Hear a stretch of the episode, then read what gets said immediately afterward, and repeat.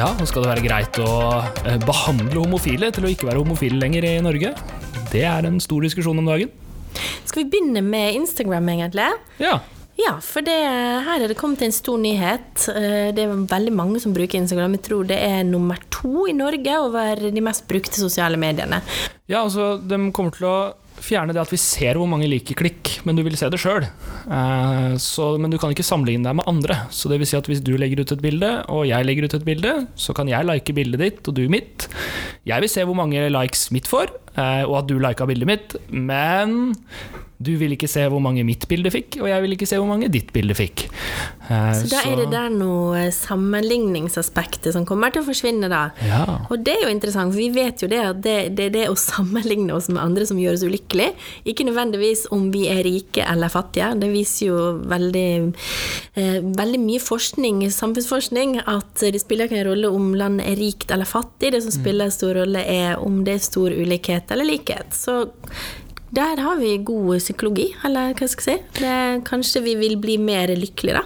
Ja, og så er det jo ikke en valuta, det her. Så med penger så kan du på en måte føle at ja, jeg føler meg fattig fordi at jeg har ikke råd til å kjøpe meg alt jeg trenger. Jeg kan f.eks. ikke ha råd til å kjøpe meg mat, men du kjøper jo ingenting med disse likeklikka. Altså, eh, du har jo eh, Det er ikke sånn at om du har 600 likeklikk, så har du et eller annet, eller får et eller annet som er mye bedre enn jeg som har 30. Så, og grunnen til at 30 likeklikk er lite, er jo ikke så mye med eh, altså, Hva er det som styrer det? Det er jo i sammenligning med andre. Hva Mm, mye eller lite er. Eh, Jeg syns jo egentlig det at 30 stykker gidder å trykke liker på at jeg har lagt ut et bilde på Instagram, er egentlig ganske sprøtt. Altså, Jeg tenker å putte alle de i et rom som Ja. sier 'hei, jeg likte bildet ditt'. ja, så er jo 30 stykker ganske ganske mye. Ja. Og jeg syns det er ganske fascinerende, enkelte som har sånn 600, 700, 2000 likes og sånn. Tenk deg å putte dem i et rom, da. Um, og de aller, største instagrammerne i Norge så hadde det blitt som du fylte Ullevål stadion ganger to, 60 000 mennesker, som sa 'hei, jeg liker bildet ditt'. Det er vel det som er greia også, da. Kanskje at man blir litt høy på den der følelsen at det, det er ikke bare folk jeg kjenner i mitt nærmiljø Mm. som jeg samhandler med nå. Faktisk noen som sitter her og har påvirka eller skapt en bevegelse da ute i det store samfunnet. Ja. Kanskje vi føler oss viktige, vi føler oss betydningsfulle, og det er jo derfor det heter influencer. Altså, en influenser er jo en person som har nådd ut til flere enn den vennekretsen sin. Mm. Egentlig, Så de likesa der er jo en valuta for de som lever av det her. Som lever av å ja, selge produkter ved å poste Eller ikke selge reklamere for produkter ved å ta bilder av seg sjøl på Instagram. da. Så hva vil skje med dem? Vil det, da vil det jo kanskje bli endringer i hvem som er influensere, da? Eller? Ja, kanskje. De vil jo vite hvor mange klikk de får, og Instagram vet jo helt sikkert selvfølgelig hvor mange klikk de får. Det er jo en grunn til at den beholder funksjonen, Mm. men fjerner fordi at det viktige her er jo Den statistikken kan jo dem gi til sine annonsører. Hvor mange like klikk jeg får. Det er jo bare at vi utenfor ikke skal se det. Eh, Så sånn sett, Den bra tingen jeg tror er med det her, er at det, det kan jo være en fin ting å få en bekreftelse på at du eh, At noen liker et bilde du har lagt ut. Eh, Men det som ikke er sunt, er når du begynner å sammenligne det med andre. Men så tror jeg at det her er en sånn ting som kommer til å henge litt i, da. For at den generasjonen nå som vokser opp og er, er vant til å se likeklikka, dem vil fortsatt ha et, et ganske tydelig begrep om hva som er mye og lite. Eh, og jeg tror også at det blir en prat om i vennegjengen og sånn hva som er mye og lite. Så jeg tror på en måte man fortsatt vil kunne definere hva som er mange likes og få Ja, likes. Kanskje man finner andre Um, måter. Og kommentarer er jo noe som Kommentarene forsvinner jo ikke, ikke sant? Nei. Mm. Så det vil man kunne si. Men det er jo, nå fikk jeg en tanke at kanskje det kan føre til mer mangfold på sosiale medier. For ja. eh, vi er jo rigga sånn at det Ofte hvis vi ser at mange andre liker noe, så, lik, så har vi en større mulighet til å like det. De har gjort et sånt eksperiment der de har tatt noen linjer som er like lange, og så får de personer Eller i en forsøksgruppe så får de fire av fem til å si at den ene linja er lengre enn de andre. Og det er ikke den. Den er akkurat like lang. Og så ser de hva som skjer. Vil den siste personen, som da er forsøkspersonen, eh, gå med på det, siden eh, fire av fem sier det? Og det viste eksperimentet, og det har blitt gjentatt mange ganger, at ja, hvis nok personer sier at noe er sant, så går vi ofte med på det, da. Ja. Selv om vi kan se at den linja ikke er lengre enn den. Så kanskje det blir litt sånn at det, eh, vi bestemmer oss litt mer hva vi liker ut fra hva vi sjøl mener, og ikke bare oss, at vi ser på likertallene. Ja. Jeg vet ikke. Samtidig så vil jo fortsatt algoritmene til Instagram, mest sannsynlig, og algoritmene er jo det som styrer hva vi ser og ikke ser, vil jo mest sannsynlig fortsatt være styrt av eh, likeklikka. Fordi at, og aktivitet på posten deres. Så eh, mest sannsynlig så vil du fortsatt få opp på en måte, Det vil bli styrt i like stor grad, antageligvis. Men det er jo et element også at det vil jo ikke synes hva du har likt og ikke likt. Så det vil jo si også at det er ting som kanskje i den omgangskretsen du er i, på en måte er litt, ikke, så, ikke så greit å like. Da. Altså det, det er litt sånn kleint eller teit eller dumt eller barnslig eller sånne ting. Så kan du kanskje på en måte at det er større aksept, da, eller at du kan på en måte være mer anonym Ja, vi blir ikke så eh, gjennomsiktige, liksom. Og det husker jeg, jeg har jo forska i skremmasteroppgaven min på ungdom og bildedeling, og det var jo, det begynner å bli noen år siden nå, er det to eller tre år siden. Og da var det en del, eh, det var vel jenter for det meste jeg snakka med, som sa at istedenfor å legge ut ting på Instagram, så la de det heller ut på Vesko, Ves, ja, VSCO, mm. som var egentlig en redigeringsapp der det ikke går an å komme med tilbakemeldinger. Og det gjorde de for å slippe den der noe eh, voldsomme synligheten, at alle kunne se hvor mange likeklikk de hadde, og kommentarer. De ville bare legge ut et bilde, og de orka ikke de der noen tilbakemeldingene. Så det kan vel være et svar på noe sånt, selv om det er en bitte liten endring. Men sånne små endringer kommer til å ha konsekvenser. Det blir spennende å se. Ja, det blir spennende å se, og, og, og det er jo det som er så interessant med teknologi. Sånn. Det er at små endringer kan gjøre at hele, at hele samfunnet på en måte endrer karakter. Ja, for det er jo sosiale mekanismer som samhandler sammen med teknologien. Mm. Og Instagram har jo også fjerna den funksjonen som tidligere var det sånn at du kunne se hva vennene dine likte i den siste tida. Så det var sånn at du fikk på en måte en sånn feed der hvor du får opp aktiviteten til de andre. Det har de også fjerna. Og Det også er jo en sånn ting som gjør at jeg kan ikke følge med på hva alle mine venner driver og liker på, på Instagram. Og det har jo sikkert også en effekt på hvordan man bruker Instagram som, en, som, som et type nettsamfunn. da. Eh, samme har jo sett at i YouTube så har jeg også en sånn, sånn greie på det der, hvor de har sånne algoritmer som, som tydeliggjør hvilke eh, hvilke videoer som skal komme etter den første videoen. Og Tidligere hadde de en algoritme som gjorde at det var de kalte for Gangnam Style-algoritmen. fordi at man, Hvis du bare satt på en YouTube-film, så vil du til slutt uansett havne på Gangnam Style, fordi at du bare får hele tida en litt mer populær video enn den forrige du Mm, og det var det mest populære på den Ja, der, ja. på den tida. Er det fortsatt det, det lurer jeg på? Nei, de har jo endra den. Eh, men eh, her imellom så har de jo endra sånn at eh, du fikk eh, den gikk motsatt vei. Så den gikk liksom, det ble, du fikk noe som var enda mer eh, ytterliggående eller ekstremt. Og det gjorde jo bl.a. at vi fikk en sånn oppblomstring av disse eh, hatefulle eller litt sånn på kanten-youtuberne. Som i skyggenes dal av YouTube-verdenen, ja. Ja, litt sånn, litt sånn høyreekstreme og litt sånn ja, eh, sånn, sånn, sånt som vi samfunnsfaglærere kanskje ville brukt energi på å si at det her farer det med en del konspirasjonsteorier og en del sånn, så, sånn type ting.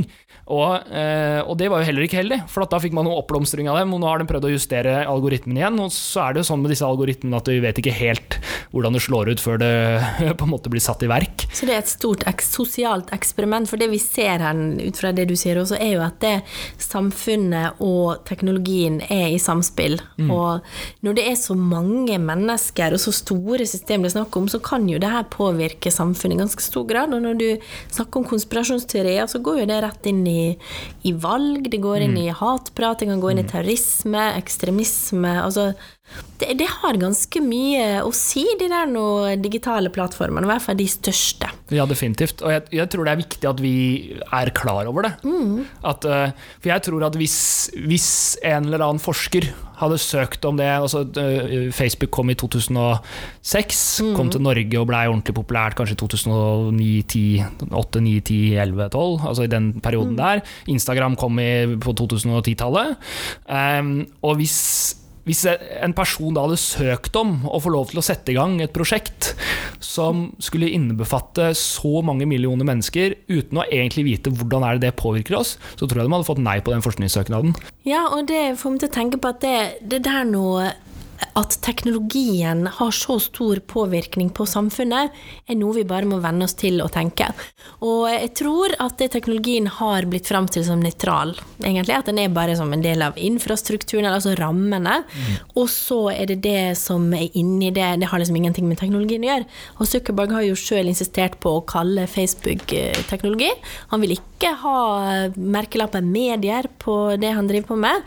Han mener at han bare lager rammene, og så er det vi som lager innhold, og det er vårt ansvar. Mm. Eh, men eh, jeg tror når vi ser at de rammene han har lagd, påvirker eh, samfunnet ganske mye, og det påvirker samhandlingen. Det er litt morsomt, det f.eks. Snapchat som begynte med å ta bort eh, Altså med bilder som forsvant etter noen sekunder. Mm. Og den teknologiske løsningen var jo det som førte til at de der nå dickpicsene, som det heter, eh, kom til. Mm. På grunn av det der nå at de forsvant. Men så fortsatte man jo å ta de bildene etterpå også. Så, men det er et klart konkret eksempel på at teknologi er med på å forme hvordan vi oppfører oss. Mm. Og da kanskje vi må engasjere oss litt mer i den teknologien. At det, som du sier, hadde man fått lov til å å, gjøre det her, hvis man kalte det det det er, som et enormt sosialt eksperiment. Mm. Og det tror jeg ikke. Men jeg tror vi tenker, eller myndighetene rundt omkring tenker fortsatt ikke at de kan gå inn og, og, regulere teknologisk utvikling. Vi står liksom på sidelinja og tenker oi, her skjer det en teknologisk utvikling, det skal bli spennende å se hvor det ender opp. Og så mm. tar, tar vi ikke inn over oss at dette er noe vi kunne faktisk gått inn og regulert, på samme måte som vi regulerer andre ting, som påvirker samfunnet i så stor grad. Ja, definitivt. Og hvis man ser på de uintenderte, altså de eh, utilsikta, utilsikta eh, virkningene av, av Instagram f.eks., så er jo det et økt kroppspress. Det tror jeg man kan finne forskningsmessig belegg for. Eh, og vi ser det jo også altså, eh, fra bare jeg gikk på videregående, og det er ikke så mange år siden, jeg, ti år siden jeg gikk ut av videregående, så var det jo sånn at eh, Instagram var akkurat kommet. Mm. Um, og Facebook det fikk jeg når jeg begynte i første videregående. Um, så altså, du skal ikke eldre enn en 27 år gammel uh, fyr da, mm, før jeg ikke har vært eh, noe særlig utsatt for det her i det hele tatt. Så er det litt sånn det, uh, hvis, man, hvis, man, setter seg i et badekar, og så øker man temperaturen litt og litt og litt mm. og litt og litt, og litt, og litt, så vil du ikke merke temperaturforskjellen. Uh, du vil føles ut som det er lik, du, du, brenner deg til slutt, da, men du merker det ikke, fordi at du, du, du blir på en måte skjedd så gradvis. Og det er spørsmål om mm. det er litt sånn her også, da, at den derre der klemma på en måte som ligger mm. rundt kroppspresset og rundt press og rundt mm. det der med å sammenligne hverandre og hele her, at det liksom har gått så gradvis. Eh, og så går det eh, veldig fort samtidig. For det er jo en utvikling nå siden 2011 kanskje som er helt ekstrem, egentlig. Ja, du kan si at den akselererer, faktisk. Ja. Og ekstreme tilfeller er jo den andre appen Tinder, mm. eh, som rett og slett bare handler om utseende, som også tilspisser det der noe presset som du snakker om. Altså, jeg jo jeg er jo ikke singel, og har aldri vært singel i Tinder-alderen. Jeg synes jo det, jeg blir nysgjerrig når jeg ser på hvordan det fungerer, men når du hører om eh, hvordan eh, Hvis du er under en viss høyde, f.eks., mm. så blir du alltid sveipa Er det høyre eller venstre? Altså, nei takk, i hvert mm. fall da. Eh, og så, når du blir da vurdert bare ut fra et bilde, mm så er det jo bare på overflata, helt bokstavelig talt. Det blir jo veldig kunstig, og det er jo akkurat mm. liksom, det, kanskje det man mener at kjærlighet ikke er, da. Det burde eh, det er... jo være, gå litt dypere enn høyde, skostørrelse og utseende. Ja, ja og så er det veldig mange av elevene som sitter og hører på det her, er jo ikke gamle nok til å bruke Tinder men sitter kanskje og mm. venter på å få lov til å bruke Tinder. Og eh, du har aldri brukt Tinder på sjekkeren, det har jeg gjort, og jeg vil ikke anbefale å liksom, bruke 18-årsdagen min på Tinder. Eh, da hadde jeg heller liksom, feira 18-årsdagen min og heller møtt ekte eller mennesker som, mm. uh, som, du kan bli kjent med ved ja. å møte dem på vanlig vis. Eh, så, så, ja, så det samfunnsfaglige her er rett og slett å være litt skeptisk til Eller ha kunnskap om at mm. det sosial samhandling blir påvirka og forsterka og forvridd gjennom teknologi, som ja. sosiale eh, medier er en del av. Ja, det er rett og slett kritisk tenkning. For, og, det, og, det, er jo det vi øver på hele tida i samfunnsfag. Og, og, det å vite at oi, dette her påvirker meg kanskje mer enn det jeg eh, syns er behagelig. Det er litt som reklame. Hvis du spør folk blir du påvirka av reklame, så Nei. sier de aller fleste nei, det blir jeg ikke. Nei, hvorfor i søren bruker de millioner på millioner på millioner på milliarder av penger mm. for å reklamere hvis det ikke fungerer. Eh, det fungerer som bare rakkeren, og det gjør også sosiale medier på sin måte. Ja, og reklame er jo interessant, for der har de jo brukt psykologisk kunnskap siden begynnelsen. Ja.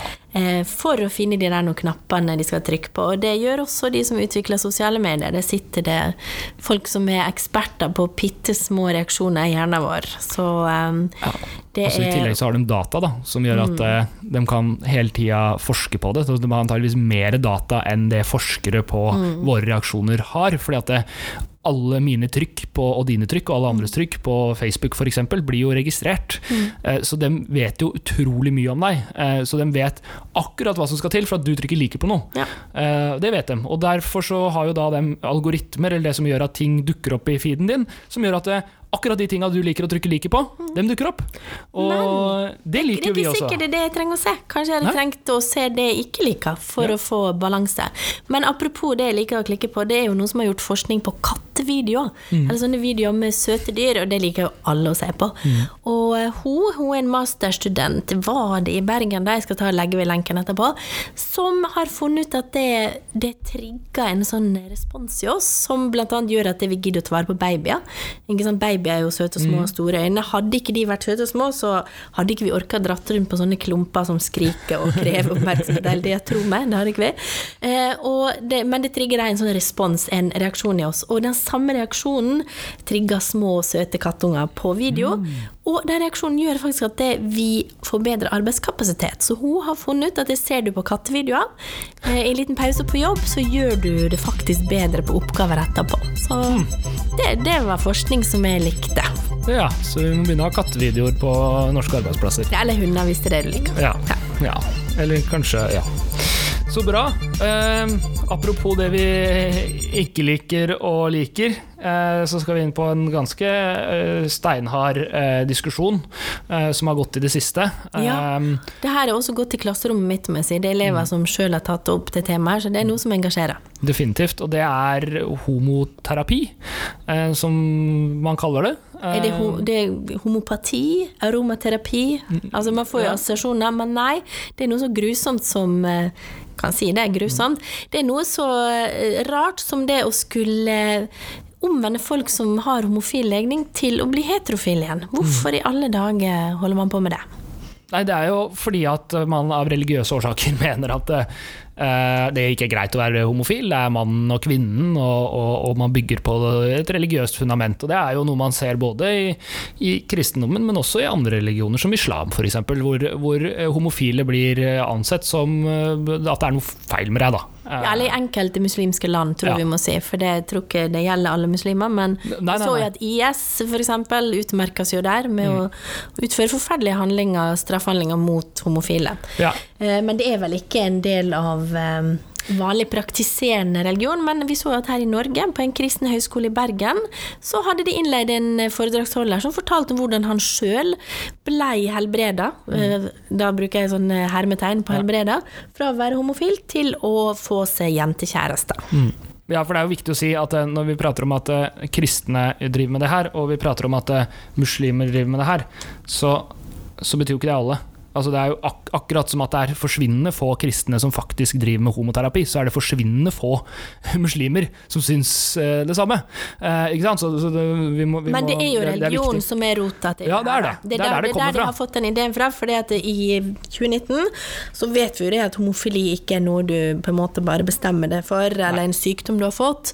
Det er, vi er forskjellige. Noen er født sånn, noen er født sånn. Noen liker jenter, noen liker gutter. Ja. Eh, Så det er ikke noe man kan konvertere, og det er vel vitenskapen rimelig eh, sikker på. Så det alternative eh, synet på homofili, det er det vel bare religion som på en måte kan komme dragende med i 2019. Men så er det sånn at vi har religionsfrihet, og det har jo blitt eh, diskusjonspunktet her, da. For det at eh, vi har jo eh, vern, altså homofile og andre grupper i samfunnet har jo vern mot å bli diskriminert mot. Ja. Eh, Men eh, hvis du da har et religiøst syn som på en måte handler om noe som egentlig er diskriminerende, så kommer vi i en sånn skvis. Ja. Der to idealer, eller hva si, rettigheter møtes. Hvordan skal vi, hvordan skal vi på en måte sortere opp det her, Even? Nei, for her er vi jo midt oppi eh, diskusjonen om hvor den står hen. Det er mellom eh, det her er galt, sier den ene sida, den andre sida sier at det her handler om religionsfrihet. Vi kan jo høre hva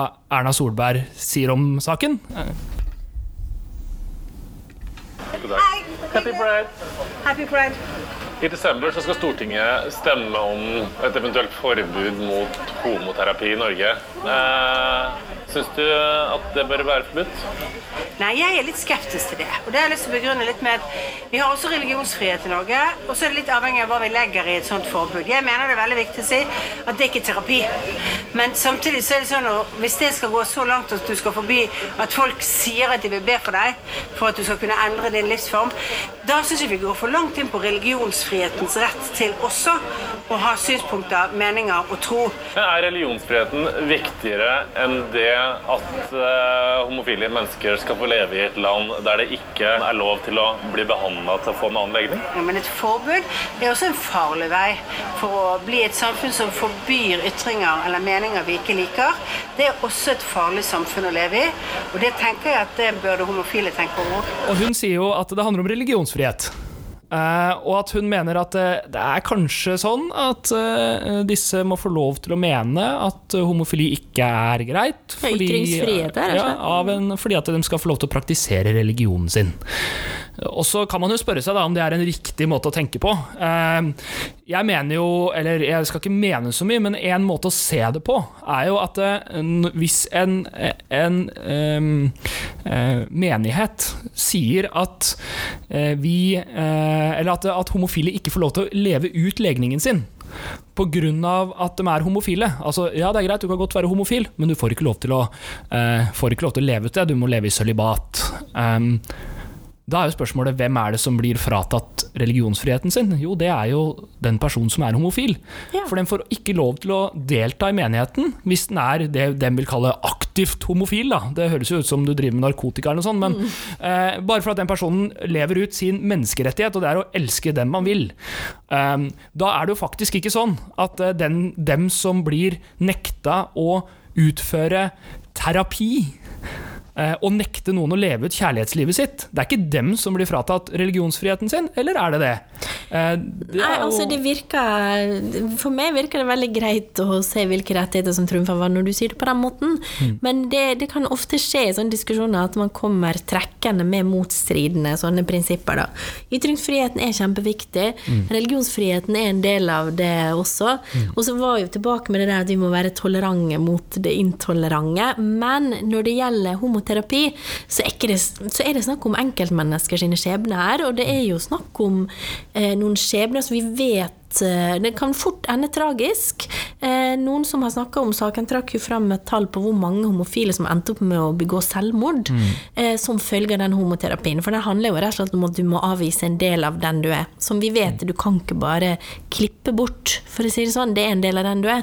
Og det kan jo ikke være sunt. Så skal ytringsfriheten gå på eh, eller religionsfriheten, da, hvilken frihet vi velger, skal den gå på bekostning av enkeltmenneskets liv og helse? Så det tror jeg de færreste ville sagt ja til. Og øh, Forslaget i Stortinget som skal behandles nå i desember, Ja.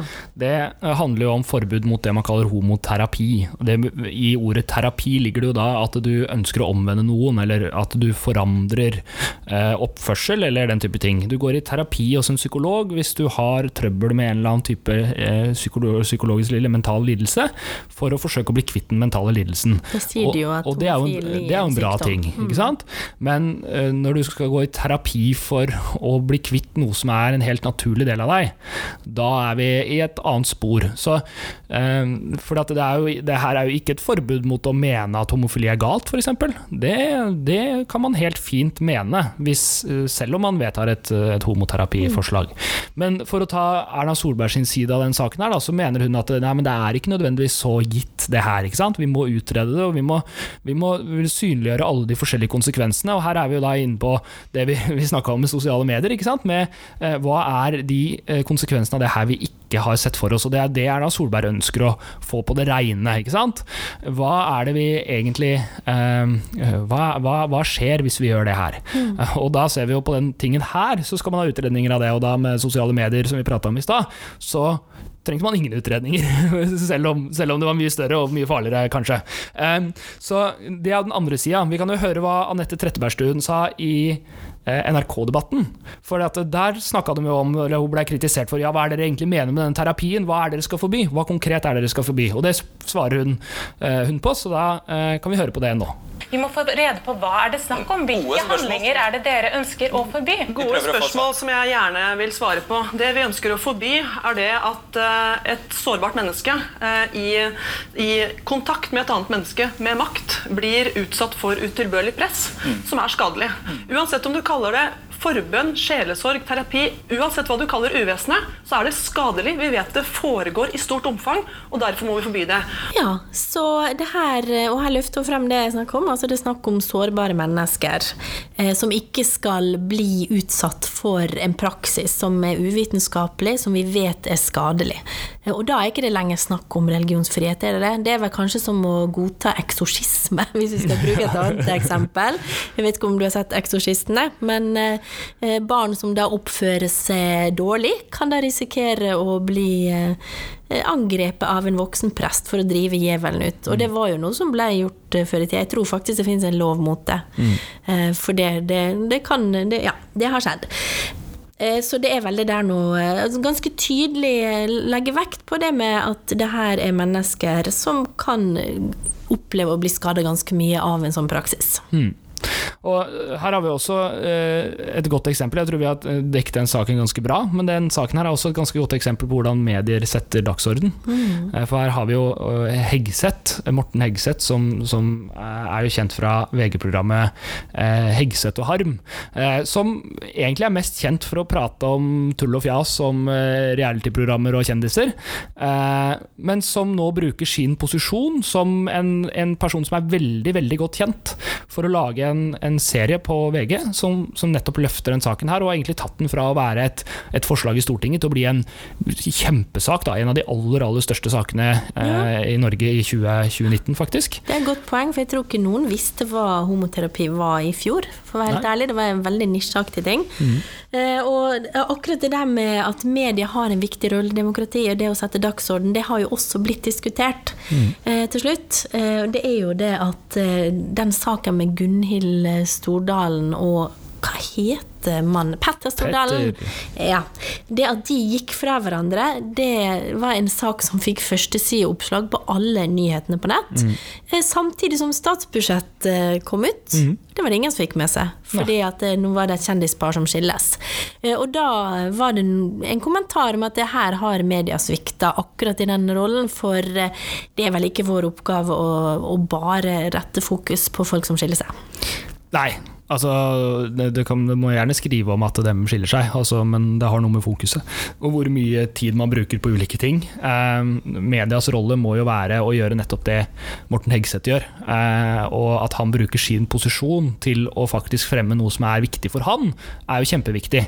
Eh, og der kan jo alle våre elever være eh, Morten Hegseth i sitt miljø. Skriv innlegg i lokalavisa di. Eh, prøv å påvirke gjennom kanalene du har rundt deg. Snakk med en politiker politikere du kjenner i lokalsamfunnet ditt. Eh, diskuter ting med vennene dine. Ta opp ting med læreren. Det her er med på å sette dagsorden, ikke nødvendigvis i hele Norge, sånn som Morten Hegseth får til, eh, men i ditt, ditt lokalsamfunn. Og en sånn sak kan fort vokse seg og bli veldig, veldig, veldig stor.